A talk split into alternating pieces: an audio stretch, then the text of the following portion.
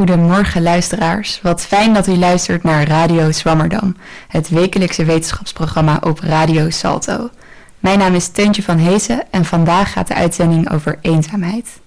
In haar veelbesproken boek De Eenzame Stad beschreef Olivia Leng eenzaamheid als volgt. Het voelt als honger, alsof jij honger hebt en iedereen om je heen lekker gaat smikkelen.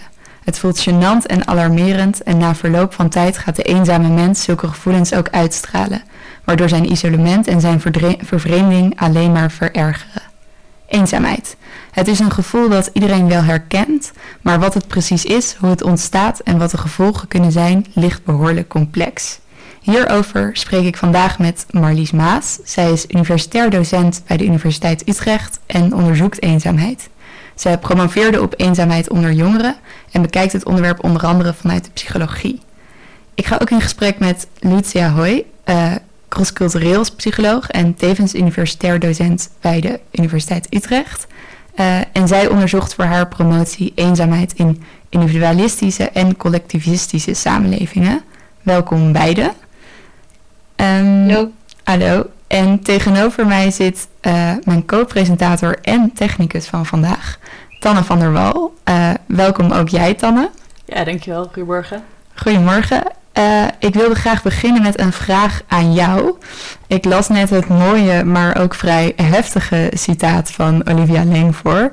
Uh, wanneer voelde jij je voor het laatst eenzaam en hoe voelde jij je toen? Ja, het is weer een lekkere persoonlijke vraag om de ochtend mee te starten.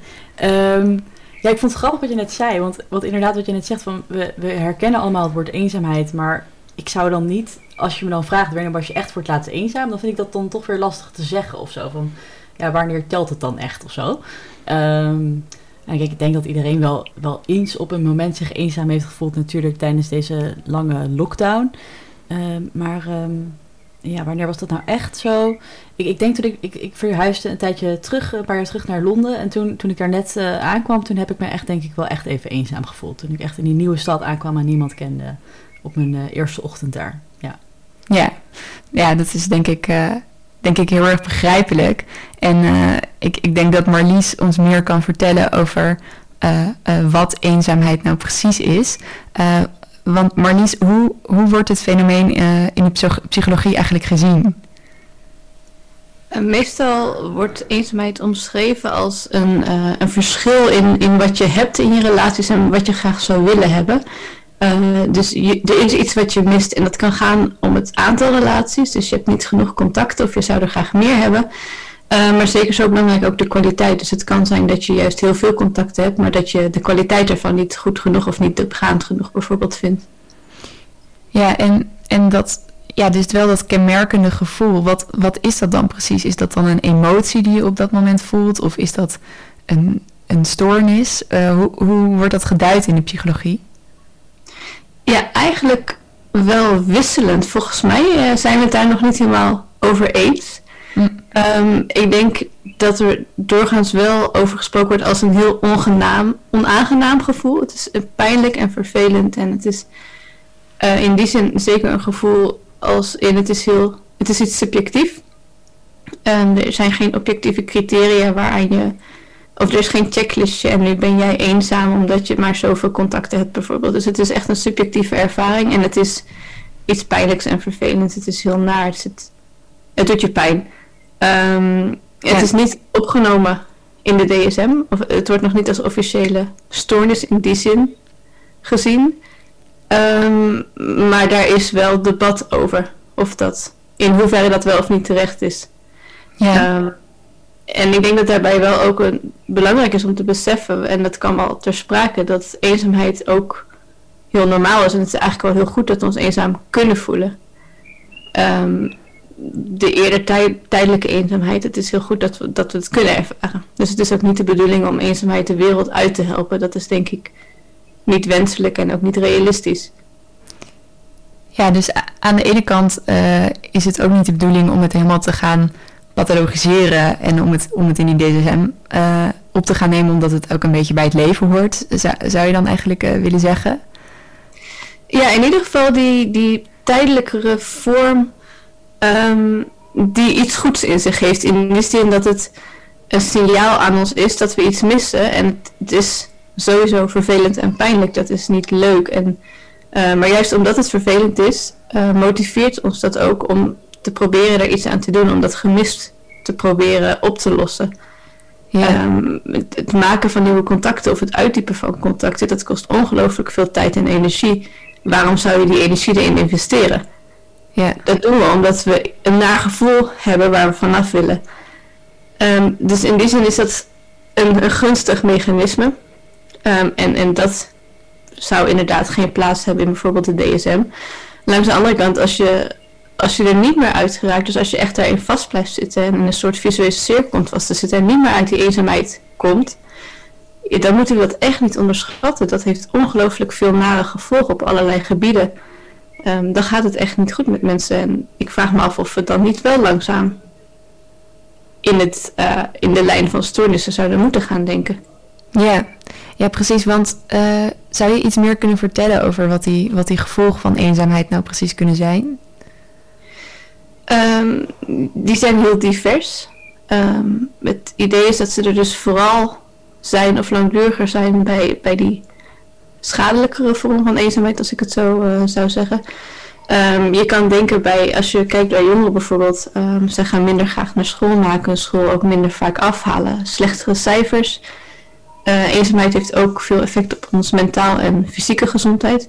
Dus mensen die zich eenzaam voelen, voelen zich ook vaker angstig of depressief bijvoorbeeld, hebben vaker zelfmoordgedachten. Um, op fysiek vlak, jongeren die gaan bijvoorbeeld sneller naar de huisarts of hebben wat vaker uh, slaapproblemen, buikklachten, uh, hoofdpijn. Uh, we zien dat het gelinkt is aan hart- en vaatziekten. Um, en een studie bij volwassenen laat ook zien dat eenzaamheid gelinkt is aan een hoger risico op vroegtijdig te komen overlijden. Oké, oké, ja, dus die, die, die effecten kunnen eigenlijk echt heel erg heftig zijn. En um, ik zal met Lucia zo meteen uitgebreid bespreken wat voor invloed de sociale omgeving kan hebben op gevoelens van eenzaamheid. Um, maar zijn er ook persoonlijke kenmerken die het risico op eenzaamheid kunnen kunnen verhogen. Dus zijn er bepaalde groepen of mensen die uh, een grotere kans hebben om eenzaam te worden dan anderen? Ja, ik denk dat er wel factoren zijn die mensen extra kwetsbaar kunnen maken. Uh, maar het gaat dan altijd om een, om een soort kwetsbaarheid. Je kan denk ik nooit zeggen mensen die met deze eigenschappen, die zullen zich wel eenzaam gaan voelen ik denk dat het altijd ook in een, in een interactie staat met wat er om jou heen gebeurt. Eenzaamheid is natuurlijk een subjectief ervaren van een, van een persoon. Maar het gaat wel over de relaties die je met anderen hebt. Dus je kan dat nooit uit de context zien. Ja. Um, maar we zien bijvoorbeeld wel als je kijkt naar persoonlijkheid dat um, mensen die wat meer introvert zijn um, en wat lager scoren op emotionele stabiliteit bijvoorbeeld, dat die uh, een, een wat hoger risico lopen om zich eenzaam te voelen. Ja. ja. dat is wel grappig, want dat had ik misschien niet verwacht. Als in, als je, ik, ik zou dan bijna verwachten dat als je introvert bent, dat je dan ook uh, ja, minder dat contact wil of zo. Um, ja, ik denk dat meer het idee is dat als je iets mist in je relaties, dus zodra je het gevoel hebt dat je eigenlijk meer zou willen hebben dan je hebt, um, dat mensen die wat extroverter zijn, dan net iets gemakkelijker de stap durven zetten om andere mensen bijvoorbeeld aan te spreken of om naar buiten te treden. Uh, maar het is, denk, het is heel terecht wat je zegt, dat het niet, niet gaat om het aantal contacten dat je hebt. Dus mensen verschillen heel erg in, in waar ze behoefte aan hebben. Um, en, en het is niet dat waar je behoefte aan hebt, uh, maar echt het verschil. Dus is, heb je twee vrienden en is dat genoeg voor jou, dan is er niks aan de hand. Ja, ja en, en uh, voor introverte mensen is die, die drempel dan wat hoger uh, om daar echt iets aan te gaan doen, zeg maar, als je die ontevredenheid en dat eenzame gevoel hebt. Ja, ja dat is de, in ieder geval de hypothese erachter inderdaad. Ja, ja precies. Ja, en uh, u promoveerde op eenzaamheid onder jongeren. Um, en dit is iets wat we de laatste tijd wel vaker lijken te horen, waar voorheen vooral een focus leek te liggen op eenzaamheid onder ouderen uh, horen we nu toch ook wel meer over eenzaamheid onder jongeren. Uh, waar komt die aandacht vandaan? Is die groep dan specifiek kwetsbaarder voor eenzaamheid? Waar de aandacht vandaan komt, vind ik moeilijk om de vinger op te leggen. Ik denk ook niet dat dat één ding is, maar dat er verschillende processen spelen die elkaar dan terug versterken. Uh, maar het is inderdaad zo dat ons beeld van eenzaamheid gelukkig uh, aan het veranderen is en daarmee uh, denk ik wat realistischer aan het worden is. Um, dus we dachten aan, bij eenzaamheid vooral aan een oudere meneer of mevrouw die alleen achter de geraniums zit weg te kwijnen. Um, maar het is absoluut niet zo dat alle oudere mensen zich eenzaam voelen. En het is ook niet zo dat als je alleen na, naar buiten aan het kijken bent, dat je dan wel eenzaam zult zijn. Um, we beseffen steeds meer gelukkig dat alleen zijn en eenzaamheid twee totaal verschillende dingen zijn. Um, en daarmee komt denk ik ook wel het besef dat als het dus zo is dat je niet alleen hoeft te zijn om je eenzaam te voelen, maar dat je je dus ook eenzaam kan voelen als, je, als er mensen rondom jou zijn, dan is de stap sneller gemaakt dat jongeren zich dus ook wel eens eenzaam kunnen voelen. Um, zolang we denken aan eenzaamheid en alleen zijn als hetzelfde, dan denk je ja, jongeren die, die zitten in een schoolcontext, die hebben vaak ook nog wel hobby's, die zijn eigenlijk relatief veel omringd door andere mensen, dus daar zal eenzaamheid geen rol spelen. Maar nu we meer beseffen dat, um, dat het los van elkaar staat, ja, dan is het heel logisch dat natuurlijk zo ook jongeren zich uh, erg eenzaam kunnen voelen. En dat zien we ook terug. Um, dus de eenzaamheid onder jongeren is, is zeker zo aanwezig als, als onder ouderen. Um, en, en dat is op zich ook niet heel gek als je bedenkt dat eenzaamheid ook wel samenhangt met veranderingen in je sociale leven. Dus als er dingen gebeuren in je leven die een effect hebben op, op je sociale netwerk, dan verhoogt dat de kans dat je je eenzaam zult voelen. Ja. En bij ouderen zijn dat dan eerder uitdagingen dat, dat er mensen rondom je letterlijk wegvallen. Uh, dat je zelf fysiek ook meer uitdagingen hebt, dat je minder makkelijk contacten kunt gaan maken met anderen als je ergens heen zou moeten. Bijvoorbeeld, je wordt wat afhankelijker. Maar voor jongeren uh, verandert er ook ongelooflijk veel in hun netwerk. Dus zij, zij maken echt een switch van minder met hun ouders en wat meer met, met vrienden bijvoorbeeld. Uh, ze, ze, zijn heel erg aan het zoeken naar hun eigen identiteit. Wie ben ik? Um, schoolveranderingen. Ja, reizen naar Londen zoals Tanne deed, bijvoorbeeld. Um, en, maar is die, is die, uh, die eenzaamheid onder jongeren, uh, heeft die bepaalde kenmerken of is die anders? Um, of, of komt die overeen met, uh, met de, de andere vormen van de eenzaamheid? Ik denk in de basis is eenzaamheid voor iedereen hetzelfde. In die zin dat je iets mist op vlak van, of in je relaties. Ja. Um, en, dat gevoel wat je dan precies mist, dat kan voor iedereen verschillen. Of waar dat gemis dan precies vandaan komt. Daar zijn veel verschillen tussen mensen tussen. Uh, maar in de basis komt het denk ik altijd meer op ergens iets missen. Ja, ja precies. En je, over je promotieonderzoek vertelde je... Um, het weerlegt taboes die nog niet eerder onderzocht werden. En ook de sociaalwetenschapper Robert Weiss, die het onderwerp tevens onderzocht, wel een tijdje geleden al, uh, die stelde dat eenzaamheid vaker door liedjeszangers dan door sociale wetenschappers is besproken. En ik vroeg me eigenlijk af waar die taboe of dat ongemak rondom eenzaamheid als onderzoeksonderwerp, maar ook als onderwerp in het dagelijks leven, uh, nou eigenlijk vandaan komt en of dat nog steeds zichtbaar is in de wetenschap ik zie het in de wetenschap niet meer zo duidelijk terug. Dus er is ongelooflijk veel onderzoek naar, naar eenzaamheid. En um, dat neemt ook echt super hard toe. Uh, het is eigenlijk niet meer, niet meer te doen om de literatuur helemaal uh, bij te houden. Er verschijnen ongelooflijk veel nieuwe onderzoeken. Uh, ook over eenzaamheid bij jongeren. Dus dat gaat over alle leeftijdsgroepen gelukkig. Ja. Um, dus in de wetenschap denk ik is er intussen best veel aandacht al voor. Um, maar het, het, blijft natuurlijk wel een onderwerp wat best ingewikkeld is om over te spreken. Um, het, er, is nog het taboe over, uh, van eenzaamheid is, is zeker nog niet verdwenen. En ik denk dat dat er deels toch ook mee te maken heeft dat als we aan eenzaamheid denken, of als iemand zegt ik voel me eenzaam, dat we dan toch geneigd zijn of wel vrij snel denken, oh maar waarom, maak je, waarom heb je dan geen vrienden? Waarom maak je geen vrienden? Um, ben jij niet zo'n leuk persoon? Wat is er mis met jou? Dat we de schuld heel snel leggen bij die persoon die zich eenzaam voelt. En dat maakt het natuurlijk dan heel moeilijk om te zeggen dat jij je zo voelt. Ja, dat het, dat het eigenlijk als een soort falen gezien wordt. Ja, dat het je eigen schuld is. Ja, ja. En, en dit gaat dan vooral over ehm, dat het heel lastig voor jezelf is om te erkennen. Ehm, maar eh, naar mijn idee gaat het onderwerp eigenlijk sowieso wel gepaard met een bepaalde angst of bepaalde schaamte. Ehm, ik ben zelf bijvoorbeeld, voel ik me momenteel niet eenzaam. Maar ik was het, het boek van Olivia Leng aan het lezen. En daarvan is de eerste zin. Uh, als je eenzaam bent, dan is dit voor jou. En toen had ik meteen het idee dat ik dat moest weerleggen of zo. Van, oh, maar ik lees dit boek gewoon uit interesse hoor. Het is helemaal niet zo. Wa waarom komt dan, waar komt dat ongemak rondom het onderwerp nou precies vandaan? Ja, dat, ik weet het eigenlijk niet precies. Um, nou ja, deels door, doordat ik denk, ik denk toch dat het deels komt omdat we mensen daar dus zelf de schuld van blijven geven. Dus er zal dan wel iets mis met je zijn. En het is natuurlijk super herkenbaar. Iedereen, ja, bijna iedereen, maar ik denk eigenlijk iedereen herkent die ervaring ook wel en heeft zich wel eens eenzaam gevoeld. Ja. En als daar dat stigma rond blijft zitten, dan geldt dat dus ook voor jou. En dat is, dat is niet zo'n fijn idee. Um, en meer algemeen denk ik dat we het nog steeds best ingewikkeld vinden om over moeilijke dingen te praten met elkaar. Dat, dat geldt niet alleen voor eenzaamheid.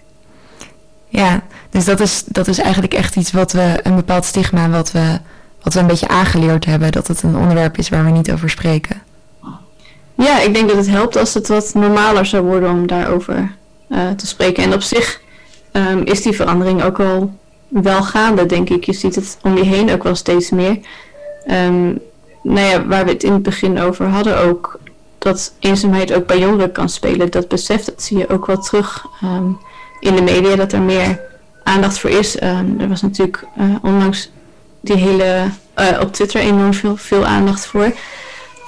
En dat is wel ook nodig voor andere jongeren om te beseffen, oh, ik, ik ben niet alleen. Ik ben dan misschien toch niet zo heel raar. Dat komt ook bij andere jongeren wel voor. Ja. En, en dat is wel nodig om de drempel toch iets te verlagen om er met elkaar over te beginnen spreken. Ja, ja in, in, in ons voorgesprek gaf, gaf je een heel mooi voorbeeld over hoe uh, die taboe eigenlijk kan ontstaan. Uh, over een bepaald congres waar mensen iets op een briefje moesten schrijven.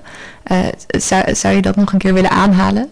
Wat, waar dat ook weer precies over ging? Ja, klopt. Dat was, dat was op de dag van de wetenschap. Een soort wetenschapsfestival waar heel veel, heel veel mensen, maar ook heel veel gezinnen komen. En wij hadden daar een, uh, een stand met allerlei informatie over eenzaamheid en quiz, um, allemaal spellen daar rond. Uh, en een van die dingen is dat we mensen die voorbij kwamen vroegen, wilt u eens op een briefje schrijven wanneer je voor het laatst eenzaam voelde. En dat vroegen we aan iedereen. Um, en alle kinderen die deden dat eigenlijk direct, of die, die tekenden dat uit of die schreven het op. Um, en dan, de ouders keken daar zo een beetje naar en dan vroegen we, nou, u mag ook wel wat opschrijven. En ja. eigenlijk zeiden ze bijna allemaal: nee, nee, nee, nee, nee, maar ik voel me niet eenzaam hoor. Ja. Dat is een enorm verschil. Ja. Ja. Ja, dat is dus eigenlijk hetzelfde gevoel wat, uh, wat ik had toen ik die zin uh, in dat boek las. Dat het toch iets is waar je waar je je meteen tegen wil verzetten of meteen wil, uh, wil bevestigen voor jezelf en voor anderen dat jij, dat jij daar geen last voor hebt. Ja, ja en dat, dat, stukje en anderen vind ik nog wel een mooie toevoeging, want um, eenzaamheid kan, kan uit allerlei verschillende relaties, of kun je in allerlei soorten relaties uh, ervaren. Um, dus het is niet zo dat als jij je eenzaam voelt, dat er dan ook per se iets mis is met de relaties die je wel hebt. En dat merkte ik ook wel dat een aantal mensen zeiden, ja maar ik, ik heb een gezin, ik voel me toch niet eenzaam. Ja. Um, en het wil natuurlijk niet zeggen als jij je eenzaam voelt, dat het dan de schuld is of dat je partner iets doet, uh, niet, niet goed genoeg zijn best doet of zo. Ja. Ja, is dat niet dat ook maakt het ook wel ingewikkeld om ook tegen je vrienden te kunnen zeggen: Ik voel me wel eenzaam, want dat wil helemaal niet zeggen dat er iets mis is met die vrienden. Maar dat idee komt er, voel je er sneller bij. Ja, en is het bijna niet ook dat als zolang je zegt dat je niet eenzaam bent, een soort van, is het dan niet ook bijna een soort van ontkennings. Uh, iets van: Oh nee, maar zo erg is het niet. En zolang ik maar zeg tegen mezelf: Ja, ik ben niet eenzaam, dan is het ook niet zo. Is, is dat, want, want wat is nou. Um, het weerbaarheidssysteem voor mensen als ze zich beseffen dat ze eenzaam voelen? Wat, want je kan er niet direct iets mee natuurlijk. Um, nou, ik weet niet of je er niet direct iets mee kan. Um, ik denk juist dat eenzaamheid aangeeft dat je er iets mee zou moeten. Mhm. Of dat het inderdaad een signaal is wat je niet moet negeren. Net als als je honger of dorst hebt bijvoorbeeld, dan ja, moet je op een gegeven moment toch wat gaan eh, eten en drinken. Uh, en ja, als dat dan niet lukt, dan na een tijdje wordt dat uh, toch bijzonder vervelend voor je gezondheid ook. Um, maar het is niet eenvoudig. Het is niet zo. Um, ik, ik mis vrienden en ik ga even nu. Ik spreek de eerste de beste persoon aan en dan heb ik een nieuwe vriend en is alles opgelost. Ja, maar als je niks doet, dan blijf je er denk ik wel in hangen. Ja, nee, nee, precies. Maar, maar dit is dus niet een heel duidelijke... Het is niet zo makkelijk als een broodje eten omdat je honger hebt. Um, ja, nou ja, in die zin dat het natuurlijk voor ons makkelijk is om even een broodje te gaan halen. En dat gaat ook niet voor iedereen. Nee, dat is zeker waar. Ja, ja nee, um, ik denk dat we een, uh, een helderder idee hebben van wat eenzaamheid nou precies is. En dat het vooral dus niet gaat om um, uh, hoeveel mensen je om je heen hebt, maar hoe je, hoe je die relaties ervaart en, uh, en wat je daarvan verwacht.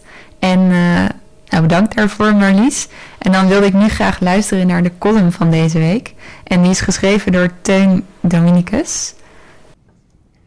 Eén keer in de zoveel tijd wordt er vanuit het ministerie van Volksgezondheid weer een campagne gestart om eenzaamheid onder ouderen onder de aandacht te brengen. Niet omdat het probleem er is. Een oud studiegenoot die in Den Haag werkt ontdekte in 2017 al dat Hugo de Jonge meer van beeldvorming dan van feiten houdt. Bejaarden toepen de hele dag en babbelen tegen de jeugdige verpleegster over Den Uil en Schmelzer en Drees, terwijl diegene die hen doucht nog geen stap in het stemhokje mag zetten. En als het beleid toch faalt, grijpt de natuur in. Een dementerende kan zich niet eenzaam voelen, want tegen de tijd dat het doordringt is hij het alweer vergeten. Met dementerende heb ik sowieso moeite, nadat ik laatst aan een 92-jarige moest uitleggen dat ze niet de 1 meter grote teddybeer van mijn 2-jarig neefje mocht afpakken. Toen ik haar had overtuigd en met de knuffel onder mijn arm het bejaardenhuis uitsnelde, zag ik haar bekokstoven met mijn oma en hoorde haar zeggen dat het toch bijna was gelukt. Houd ze dus in de gaten. Ik had nog enkele aantekeningen over seniorenseks, maar die houd ik liever voor mezelf. Het is immers zondagmorgen. In, in weerwil van wat vaak wordt gedacht, ging het prikken tijdens de coronacrisis onder de oudjes flink door. Ik heb zelfs ergens gelezen dat de GGD erover nadenkt om een SOA-polybus langs een verzorgingscentra te sturen. Alles om de chlamydia-epidemie onder controle te krijgen. Maar deze column gaat over eenzaamheid. En laat ik de boomers niet doen waar ze goed in zijn. Alle aandacht naar zich toe trekken zodat de rest wordt vergeten. AOW'ers zijn de enige uitkeringstrekkers die de afgelopen jaren gelukkiger zijn geworden. Hoe kan dat? Omdat ze verteld wordt dat ze recht hebben op dat geld. Toen er nog zoiets bestond als een verzorgingsstaat, leefde deze gedachte bij iedereen en over iedereen die een duit van vadertje staat kreeg. Van genade tot recht, noemde oud-minister Marge Klompé dat. Deze slogan is heden ten dagen verbogen naar geen genade van rechts. U weet nu ook waar ik de Partij van de Arbeid plaats. Zij was er immers voor verantwoordelijk dat studenten hun schamele studiebeurs mochten inleveren. Maar laten we daar ook weer niet te hard om treuren, van 260 euro in de maand kan je een matras in een garagebox in de kelder van Kraaiennest huren, die je ook nog moet delen met Robert Vuistje. Studenten dus. Eenzaamheid onder die groep grijpt om zich heen. De toestroom bij de studentenpsycholoog is tegenwoordig zo groot dat die psycholoog zelf met een burn-out thuis zit. Wat ook niet helpt in het bestrijden van deze pessimisme-pandemie, is dat alle afgestudeerden kwijlend vertellen dat je studententijd de mooiste tijd van je leven is. Vooral de eerste lichting van de Rode Zevende Faculteit aan de Universiteit van Amsterdam heeft daar de mond van vol. Dat is ook logisch, want bij de start van hun studieprogramma besloeg dat nog 11 jaar. Met een beetje uitloop erbij ging je linea recta van de collegebankjes naar het crematorium. Toch was vroeger alles beter. Toen kon je nog zes jaar doen over de introductiecursus statistiek, nam de hoogleraar thuis om het genot van een borrel in mondeling tentamen af en waren er kroegcolleges en bestond eenzaamheid onder studenten niet. Hoe progressief de 68-generatie zichzelf ook mag vinden, ze lijkt in haar argumentatiewijze op Geert Wilders. Wat ze niet kent, krijgt de schuld van alle misstanden die er bestaan. De jeugd kijkt te veel naar beeldschermen, hoor je vaak. Ze zitten te veel op TikTok of Instagram. Toch vergeten ze één ding dat zij niet kenden en hedendaagse studenten wel. In studieschuld. Oude lullen mogen hun hypotheekrente aftrekken, wij alleen onze pik. Terwijl zij van slochteren slemten, zitten wij en mas op zwart zaad. De enige route richting verlossing uit deze schuldzagen is na je studie een stabiele baan nemen met een vast contract. Dat is zoeken naar de deur in de hoek van een cirkelvormige kamer. En de cv-collaborateur, die in plaats van zijn klomp tussen de raderen van de machine te steken 16 onbetaalde stages gaat doen op plekken waar voorheen loon werd uitgekeerd, rent als een hamster rondjes in het rad en zorgt ervoor dat alles om zich heen draait, maar heeft niet door dat hij zelf stilstaat. De snelste oplossing van eenzaamheid is natuurlijk om alle solitairen collectief dood te schieten. Effectief, maar wel wat bloederig. Ik kies voor de grondigere aanpak. Knaken gaan het doen. Geld is dan te hard om te eten en te koud om bij te slapen, maar vriendschappen sluit je wel makkelijker af als je af en toe ook een rondje kan geven. Voor, uh, voor deze column. Um, ik, uh, ik ga verder met Lucia. Welkom nogmaals. Dankjewel, hallo. hallo. Um, ja, jij onderzocht de Cultural Paradox of Loneliness. En um, het blijkt dat binnen individualistische culturen mensen zich uh, minder eenzaam zeggen te voelen dan binnen collectivistische culturen.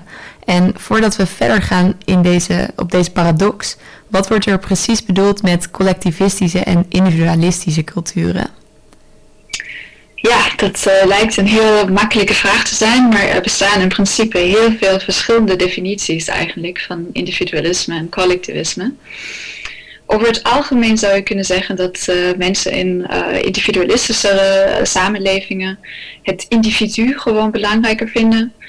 Dat ze het belangrijker vinden om onafhankelijk te zijn, vooral van hun families, dat ze meer eigen keuzes maken en dat ze hun beslissingen ook meer nemen op basis van hun eigen voorkeuren en hun eigen waarden en minder op basis van de waarden en voorkeuren van de familie. En in collectivistische culturen is dan de groep vaak belangrijker. Um, en mensen nemen beslissingen vaker samen, uh, vaak samen gewoon met andere familieleden. Um, ze houden ook gewoon over het algemeen meer rekening met de voorkeuren van de familie. Bijvoorbeeld als het gaat uh, over de keuze van een partner. En dat leidt dan daar naartoe dat in individualistische samenlevingen mensen vaker alleen wonen, meer tijd ook alleen doorbrengen dat ze minder vaak trouwen, dat ze vaker scheiden, dat ze vaak minder contact hebben met hun families en dat ouderen ook gewoon vaak in verpleeghuizen wonen, bijvoorbeeld dan met de familie. Dus dat zijn een aantal verschillen. Ja, ja helder denk ik. En um, op welke manier hebben die. Uh, uh, op welke manier zorgt dat dan voor een verschil in eenzaamheid? Dus hoe kan het dan dat wanneer er een cultuur is waar sociale relaties eigenlijk meer op de voorgrond staan, uh, eenzaamheid toch sterker ook aanwezig lijkt te zijn? Ja, uh, om dat te verklaren is het belangrijk om even te benadrukken dat er heel veel verschillende redenen zijn om zich eenzaam te voelen. Als van Marlies al gezegd in de eerste helft uh, van, van deze uitzending.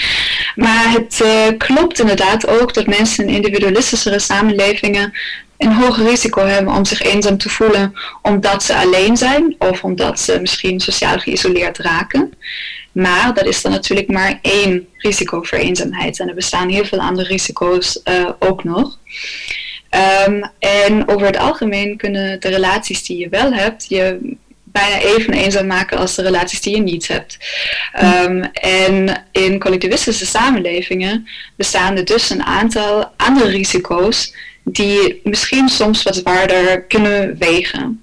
Uh, een daarvan is bijvoorbeeld dat mensen vaak minder vrijheid hebben om hun relaties zelf te kiezen. Om zelf te kiezen met wie ze omgaan, hoeveel tijd ze met wie besteden, etc. En dan kan het natuurlijk dat ze op een bepaald moment een beetje emotioneel geïsoleerd raken als ze gewoon pech hebben gehad. Nou, stel dat je in een familie zit waar je gewoon geen goede band hebt met je ouders, dat je dan misschien iemand trouwt, wie van je familie gekozen is en met wie je het niet echt goed kan vinden, van wie je niet echt uh, gesteund wordt. Maar er bestaat niet echt de optie om gewoon te gaan scheiden en een ander partner of zo te zoeken. Dan zit je daar een beetje vast. En dan heb je misschien ook niemand tegen wie je eens kan zeggen, nou, ik uh, voel me heel slecht.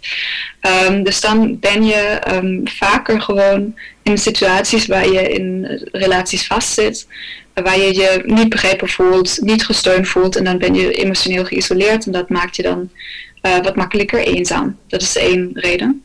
Ja. We zien ook dat in collectivistische culturen vaak uh, striktere normen bestaan over hoe je, uh, ja, zoals ik al gezegd had, hoe je um, je relaties moet organiseren. Um, en vandaar kan het dan ook dat als je afwijkt van een norm, zeg maar, als je verliefd raakt op iemand die je familie niet goed vindt, uh, dan heb je vaak een sterker probleem. Want dan moet je kiezen tussen degene die je, die je wel, waar je verliefd op bent en je familie. Want je familie gaat het niet accepteren dat je met iemand gaat trouwen die zij niet leuk vinden.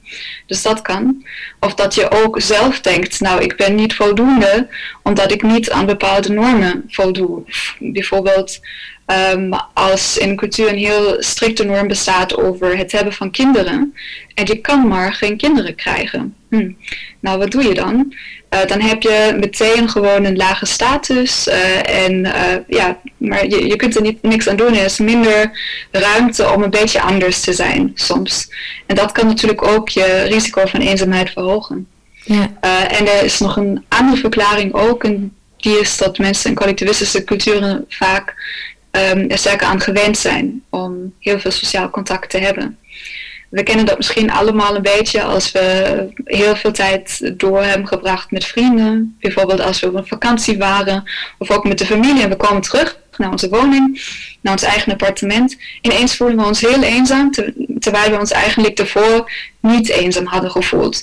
Dus dat is uh, dit contrast.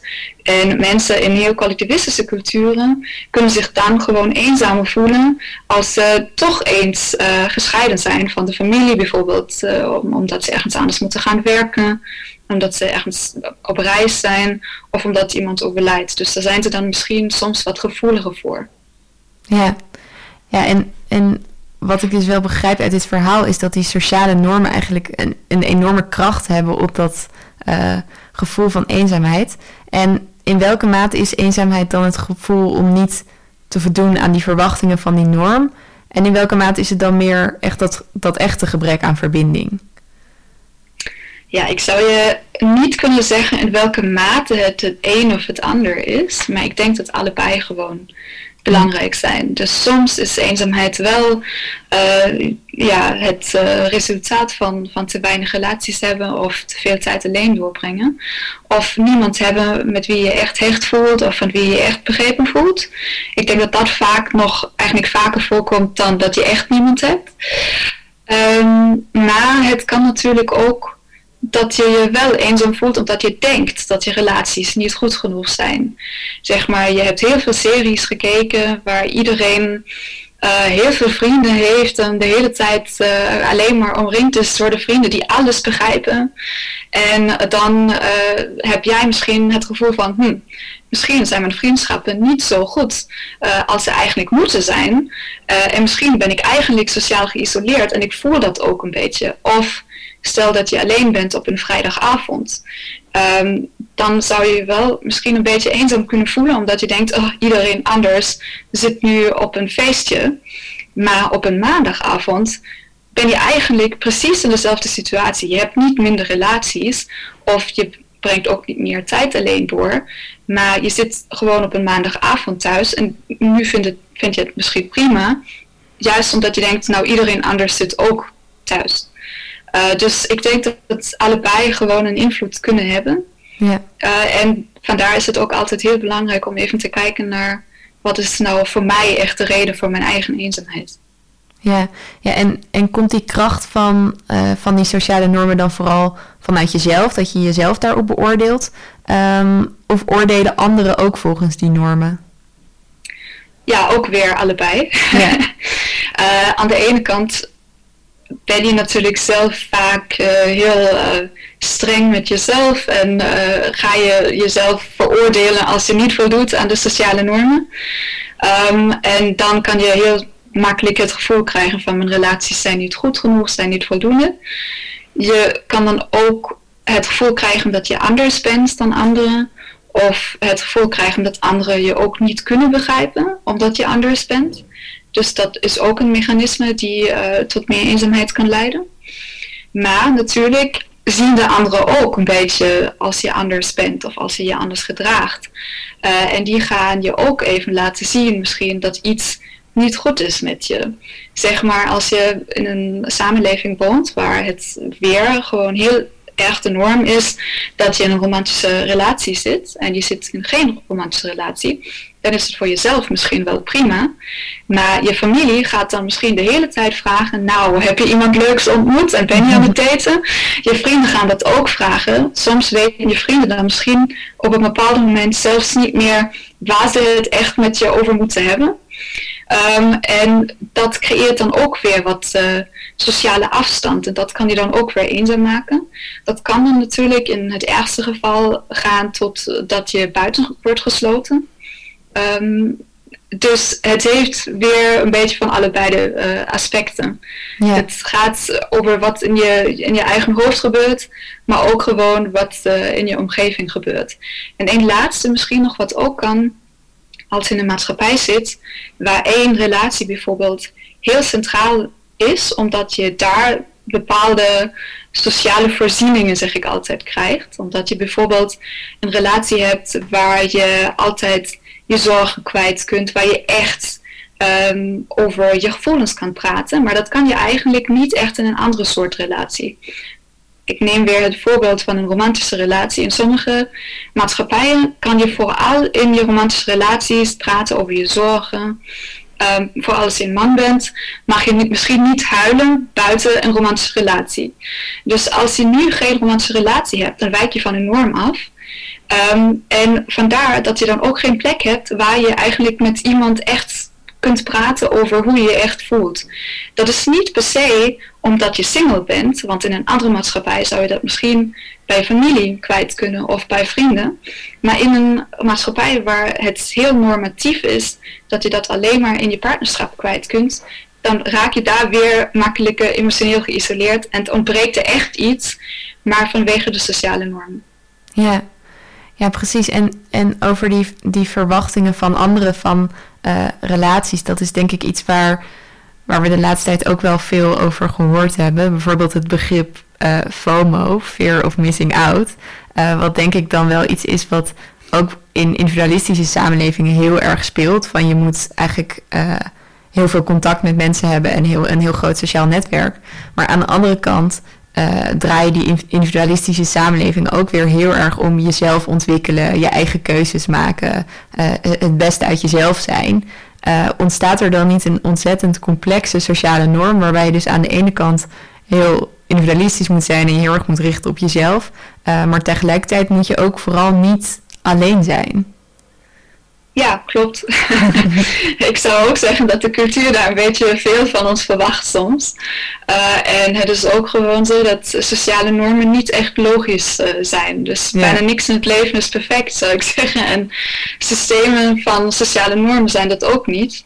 Dus je zit misschien in, een cultuur waar um, verschillende normen zichzelf uh, tegenspreken.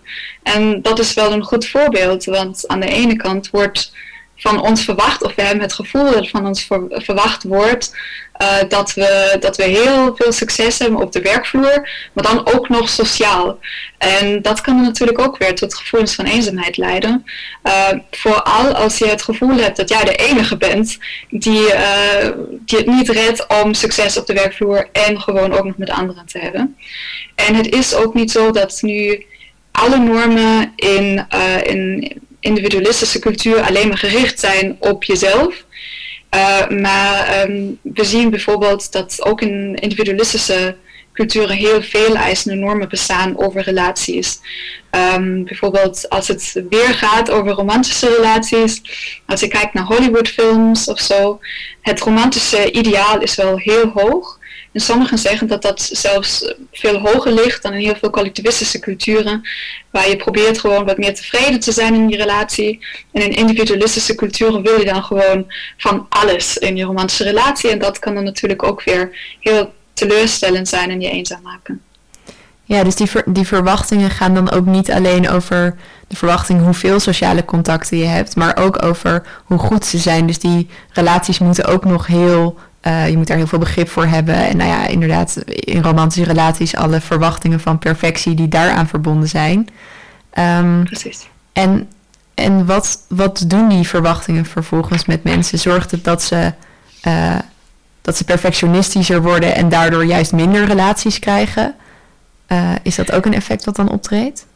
Ik denk wat kan gebeuren is dat je vaker van relatie verandert. Dus dat je vaker gewoon van één mens naar de volgende hopt, omdat je denkt, oh misschien is er toch iemand die nog beter bij me past, of waar ik me toch wat beter begrepen voel, of uh, die me beter steunt. Uh, dus ik denk dat dat wel een beetje een ongezonde dynamiek kan opleveren. Als je een combinatie hebt van Hollywoodfilms en Tinder. dat je dan uh, um, eigenlijk het gevoel hebt van het er is gewoon de mogelijkheid dat ik de perfecte relatie kan krijgen als ik maar heel hard werk. Ja. Uh, en dat we daar soms, denk ik, ook niet meer heel realistisch uh, in zitten. En dat kan ook volgens mij echt de stabiliteit van uh, relaties, ja, um, hoe zeg je dat? Um,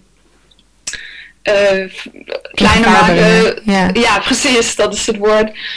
en ja, dat, dat kan dan ook weer het risico voor eenzaamheid verhogen in individualistischere culturen. Ja. ja, precies. En voor je onderzoek interviewde je mensen over de hele wereld over het onderwerp eenzaamheid. En was er, we hebben het natuurlijk net over de verschillen gehad, maar was er ook een, een gemene deler in die, uh, in die ervaringen met eenzaamheid? Ja, nou, Marlies zei al uh, dat ze denkt dat uh, eenzaamheid voor de meeste mensen wel vergelijkbaar is. En dat denk ik ook. Um, vooral nadat ik deze interviews uh, heb gevoerd. Want ja, ik zag gewoon dat mensen in India, Egypte, Israël, Bulgarije en Oostenrijk eigenlijk op een heel vergelijkbare manier over eenzaamheid praten. Dus we hebben ze gevraagd om uit te leggen wat volgens hen eenzaamheid is. Uh, en om zich even voor te stellen dat ze dat uitleggen aan iemand die zich nooit eenzaam had gevoeld. Uh, en ja, wat we zien is dat voor iedereen eenzaamheid een heel persoonlijk gevoel is. En een gevoel dat heel erg verandert of heel erg verschilt tussen verschillende individuen. Maar dat we niet echt grote verschillen zien tussen verschillende culturen. Um, en bij iedereen heeft het altijd iets heel subjectiefs, wat we ook al gehoord hebben. Dus het is altijd een subjectief gevoel. Um, en dat kan je hebben als je met heel veel mensen bent en als je helemaal alleen bent. En ook dat er iets ontbreekt in de relatie tussen jezelf en iets in de buitenwereld. Meestal zijn het andere mensen. En dan is het gewoon zo dat de ene voelt zich wat minder begrepen, de andere, voor de andere is eenzaamheid meer, ik voel me anders. Voor iemand anders is het meer, ik voel me heel ver weg van de mensen van wie ik hou. Of ik voel dat er een barrière is tussen mij en de buitenwereld. Um, maar over het algemeen gaat het altijd een beetje over hetzelfde onderwerp. En we hebben ook gevraagd om uh, te verklaren of om te vertellen wat mensen als redenen eigenlijk hadden gezien voor hun eenzaamheid. Um, en ook daar hebben we gezien dat de redenen eigenlijk best vergelijkbaar waren.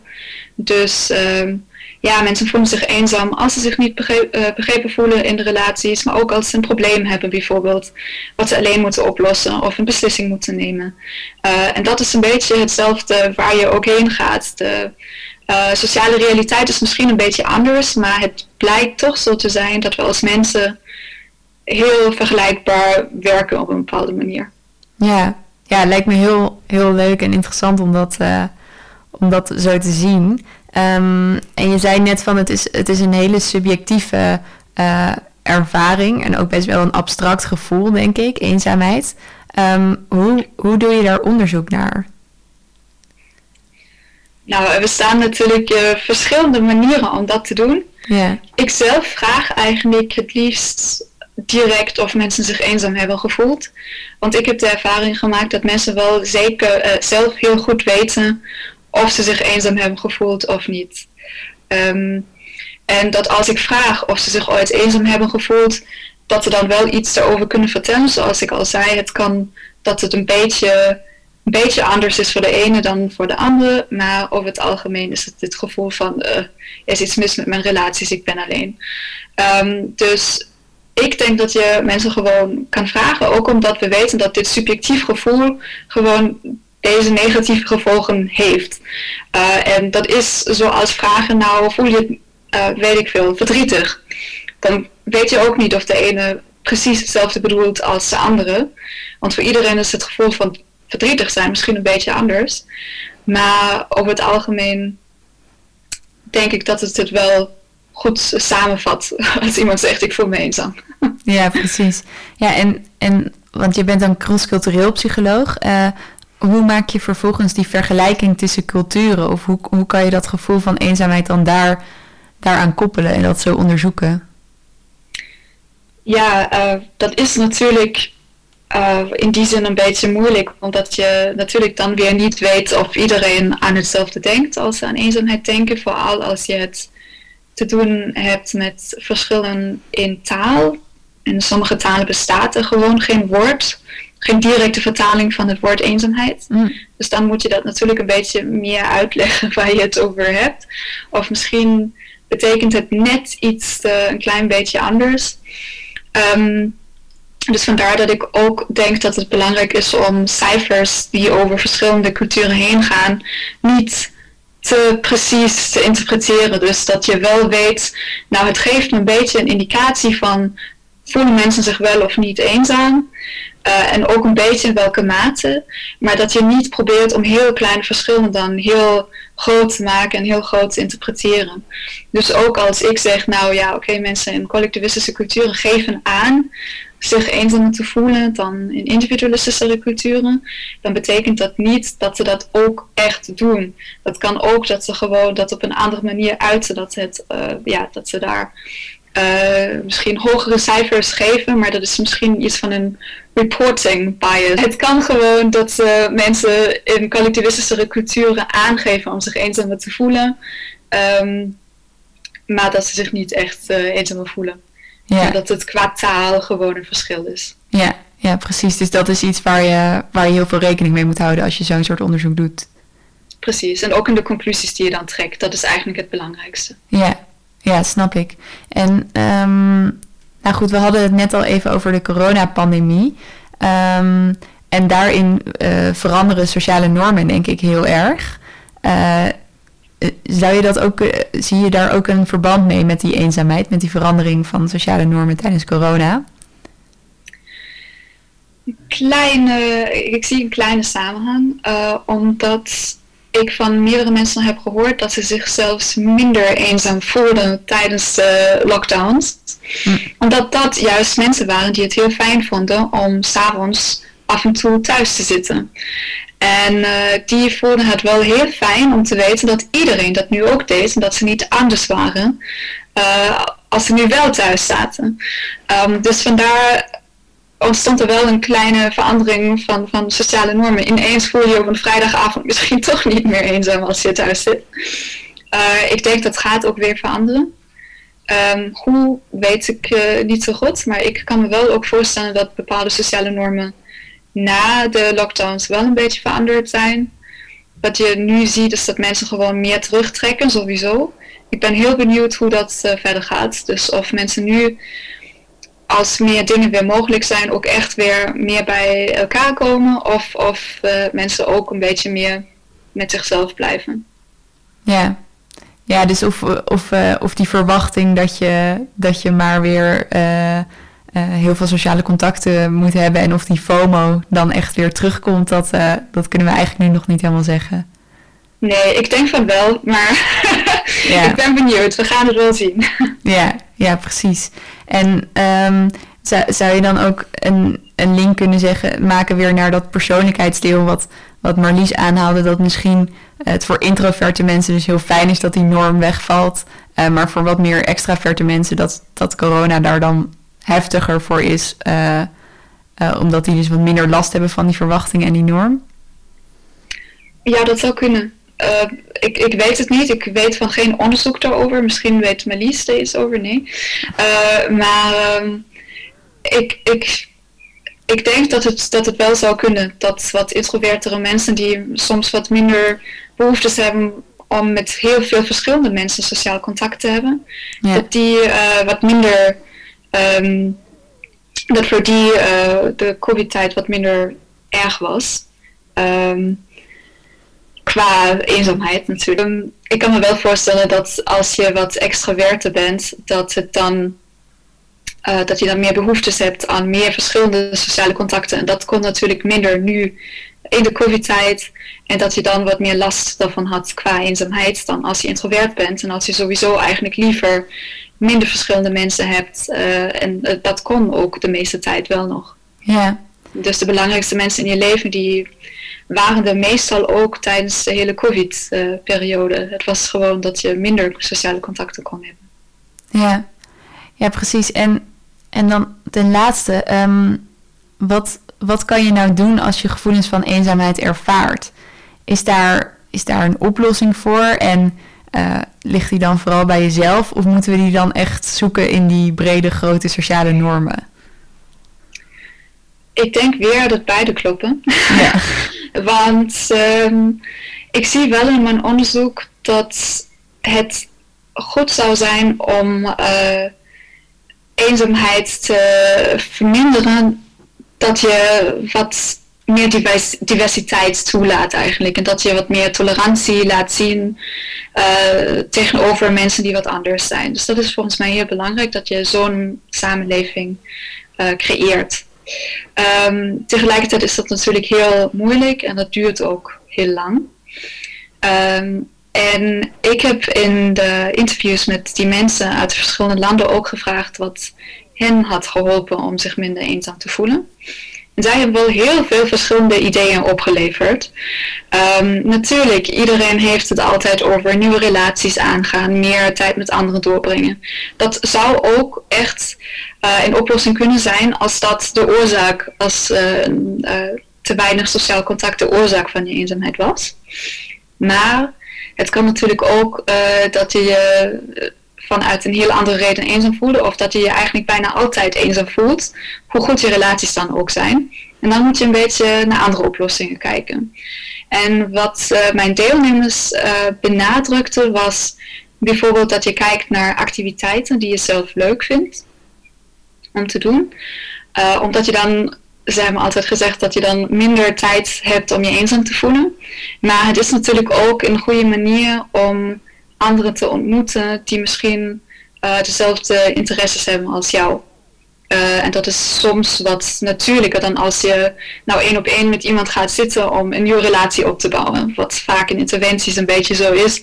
Dat kan soms een beetje artificieel zijn. Ja. Eh, wat ook sommigen hielp was meer tijd alleen doorbrengen. Oh ja. Om een betere relatie met zichzelf op te bouwen. Want soms kwam hun eenzaamheid ook uit een gevoel van er ontbreekt iets als ik een eentje ben. En dan word je natuurlijk heel afhankelijk van anderen, ook als je geen doel hebt in je eigen leven. Ehm, en voor sommigen was het ook minder relaties te hebben. Dus eigenlijk een sociale kring een beetje kleiner te maken. Om minder tijd door te brengen met mensen van wie ze zich echt niet begrepen voelden. Want ze hadden ervoor heel veel tijd doorgebracht met mensen met wie ze eigenlijk niet zo'n hechte relatie hadden. Dus dat was voor hen goed. En voor anderen was het ook gewoon goed om het af en toe te accepteren. En te weten en ook te ervaren dat de meeste periodes van eenzaamheid toch gewoon ook weer eh, ja, weggaan en weer verdwijnen. Eh, en om dat gewoon te weten en dan ja, de eenzaamheid even de tijd te geven. Ja, nou met dit, dit mooie advies denk ik zijn we aan het einde gekomen van deze uitzending van Radio Zwammerdam op Radio Salto. Mijn eerste uitzending als, eh, als presentator. En vandaag hadden we het over eenzaamheid met Marlies Maas en Lucia Hoy. Eh, dank voor jullie komst beiden. Ehm, en, eh, en de column was vandaag van Teun Dominicus en mijn co-presentator van vandaag was Tanne van der Wal. En ook jullie wil ik graag bedanken. En eh, deze en andere uitzendingen kunt u terugluisteren als podcast op radiozwammerdam.nl. En ze zijn ook te vinden op Spotify, Soundcloud en iTunes. Wilt u reageren op deze uitzending, dan kan dat via Instagram, Radio Zwammerdam, Facebook of via Twitter. U kunt ook reageren door een mailtje te sturen naar redactie.radioswammerdam.nl. Mijn naam is Teuntje van Hezen en ik was uw presentator van vandaag. Volgende week zijn we er weer op zondagochtend om 11 uur op Radio Salto. Die uitzending zal gepresenteerd worden door Bobby Uilen. Voor nu, eh, bedankt voor het luisteren en ik wens u nog een hele fijne zondag.